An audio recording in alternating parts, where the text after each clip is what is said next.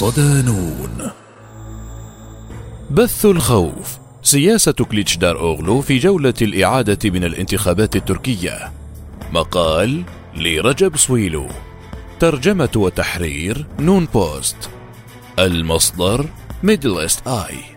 ضمن ملف الطريق إلى 2023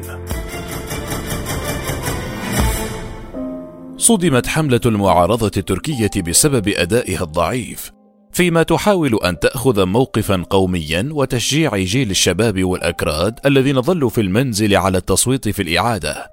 استغرق الأمر أربعة أيام حتى يخرج مرشح الرئاسة التركية كمال كليتشدار أوغلو بعد هزيمته في الجولة الأولى من الانتخابات يوم الأحد حيث ألقى خطابا في قاعة مؤتمرات مليئة بمؤيد الحزب بخطاب نشط ولكنه مثير للانقسام.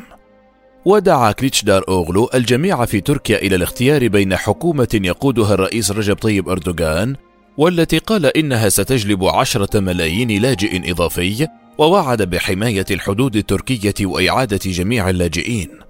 وقال أحد مسؤولي المعارضة التركية من حزب الشعب الجمهوري الذي يتزعمه كليتشدار أوغلو لموقع ميدلست آي ستكون هذه الحملة متوترة ومستقطبة وأكثر قومية. مضيفا هذا اختيار بسيط بين كليتشدار أوغلو وأردوغان وموضوعنا الرئيسي هو الخوف وسنذكر الجميع بما ستكون عليه السنوات الخمس المقبلة إذا أعيد انتخابه. تضمن خطاب كليتشدار أوغلو لغة يمكن اعتبارها قومية متطرفة فقد وعد بمحاربة الإرهاب إلى أقصى حد وحذر البلاد من التهديد المزعوم للاجئين. والذي زعم أنه يمكن أن يصبح آلة جريمة إذا استمرت الليرة التركية في الانخفاض في ظل حكم أردوغان. ولكن مهما كان المحتوى فمن المثير للاهتمام أن الأمر استغرق أربعة أيام كاملة لفريق كليتشدار أوغلو لجدولة استراتيجية لجولة الإعادة ويبدو أنهم ليس لديهم أي شيء جاهز. كان من الواضح أن المعارضة كانت تأمل في تحقيق نصر في الجولة الأولى في الرابع عشر من أيار مايو بناء على استطلاعات الرأي العامة التي أشارت إلى أن كليتشتر أوغلو سيتجاوز نسبة 50% اللازمة للفوز مباشرة دون جولة الإعادة. لكن هذا الانتصار لم يتحقق فقد تخلف كليتشتر أوغلو عن أردوغان بنسبة 44.96% مقابل 49.4% للرئيس. ولم تكن هناك استراتيجية احتياطية في متناول اليد.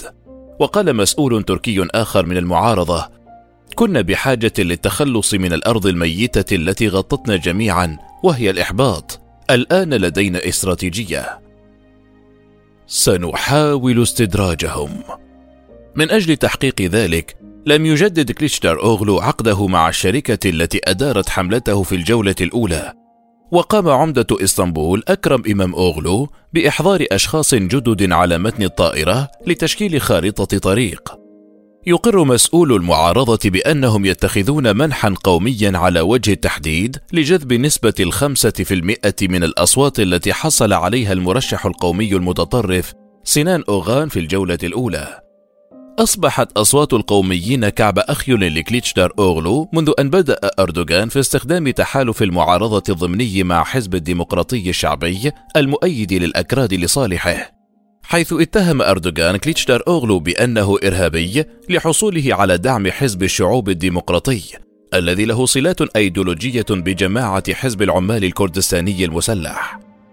لكن لدى المعارضة أساليب أكثر دقة للوصول إلى مجموعة أكبر من الناخبين، حيث يقول مسؤولوها إن ما مجموعه ثمانية ملايين شخص مؤهلون للتصويت، إما لم يصوتوا على الإطلاق أو أبطلوا أصواتهم، وقال المسؤول الأول: سنحاول جذبهم للدخول. بشكل حاسم، كان الفارق بين أردوغان وكليتشار أوغلو مليونين وخمسمائة ألف صوت فقط في الجولة الأولى حيث يشير المسؤولون إلى أن عنصرين من التركيبة السكانية كان أداؤهم ضعيفا بالنسبة لهم ما أفشلهم في التصويت بأعداد كبيرة. ويمثلون خمسة ملايين ومائتي ألف ناخب هم الشباب الصغير الذي ولد في الألفية ومن الأكراد. وقال مسؤول ثالث على سبيل المثال نصف ناخب جيل الألفية لم يدلوا بأصواتهم في قونيا. مضيفا لقد اعتقدوا أن أصواتهم لم تكن مهمة. وأن ذلك لن يكون كافيا لإحداث تغيير حقيقي. لهذا السبب من المتوقع أن يظهر كليتشدار أوغلو على قناة بابالا على موقع يوتيوب وهو برنامج سياسي شهير يشاهده الملايين من الناخبين من جيل الألفية كما أجرى مكالمة هاتفية مع أحمد سونوتش وهو مذيع شهير على منصة تويتش لتدفق الألعاب. حيث يستخدم سونوتش المعروف باسم جهرين خطابا قوميا تركيا قويا له صدى لدى الشباب. وأخبر المسؤولون موقع ميدل إيست آي أنهم يتوقعون أن يدعم سينان أوغان كليتشدار أوغلو من خلال بيان عام يوم الجمعة رغم أن أوغان نفسه لا يرد على هاتفه إذا اتصل به الصحفيون وإذا اتصل به أي شخص فإنه يقول ببساطة إنه ليس لديه ما يعلنه بعد. وبغض النظر عن الناخبين الأصغر سنا كان هناك أيضا انخفاض كبير في معدل إقبال الناخبين في المحافظات ذات الأغلبية الكردية مقارنة بانتخابات 2018 وهو أمر يحرص مسؤولو المعارضة على الاستفادة منه. فعلى الرغم من أن كليتشدار أوغلو تمتع بتقدم مريح في مدن مثل آغري وفان وموس وكارس ويرجع ذلك إلى حد كبير إلى تحالفه غير المباشر مع حزب الشعوب الديمقراطي. فلم يظهر العديد من الناخبين الأكراد في مراكز الاقتراع. وفي بعض المدن كانت نسبة المشاركة أقل بسبع نقاط مما كانت عليه قبل خمس سنوات حيث يقول المسؤول الأول نشعر أن القوميين الأكراد المتشددين لم يظهروا لقد قاطعوا التصويت وإذا ذهبوا فقد يحدث تغيير كبير. وذلك في الوقت الذي أكد فيه حزب الشعوب الديمقراطي أنه لا يزال يدعم كليتشدار أوغلو في جولة الإعادة. أبق إمام أوغلو في إسطنبول. ومن الواضح أن كليتشدار أوغلو لم يحز الأداء الذي تمناه في المدن الرئيسية مثل إسطنبول وأنقرة حيث تفوق على أردوغان بنقطتين فقط وكان هذا أداء مخيبا للآمال بالنظر إلى أن أزمة تكلفة المعيشة في تركيا محسوسة بشكل حاد في المراكز الحضرية. وقال المسؤول الثاني كان رئيس بلدية إسطنبول إمام أوغلو رصيدا كبيرا لحملتنا لكن ربما كان من الخطأ جعله يقوم بحملات في أماكن مثل فان.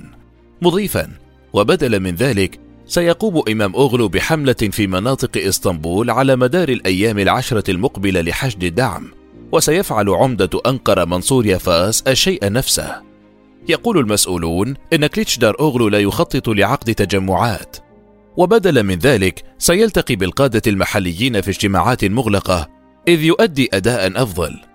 ومن المتوقع أيضا أن يزور كليتشدار أوغلو المناطق التي ضربها زلزالان المزدوجان المدمران في شباط فبراير والتي تعرض فيها لهزيمة ثقيلة باستثناء هاتاي.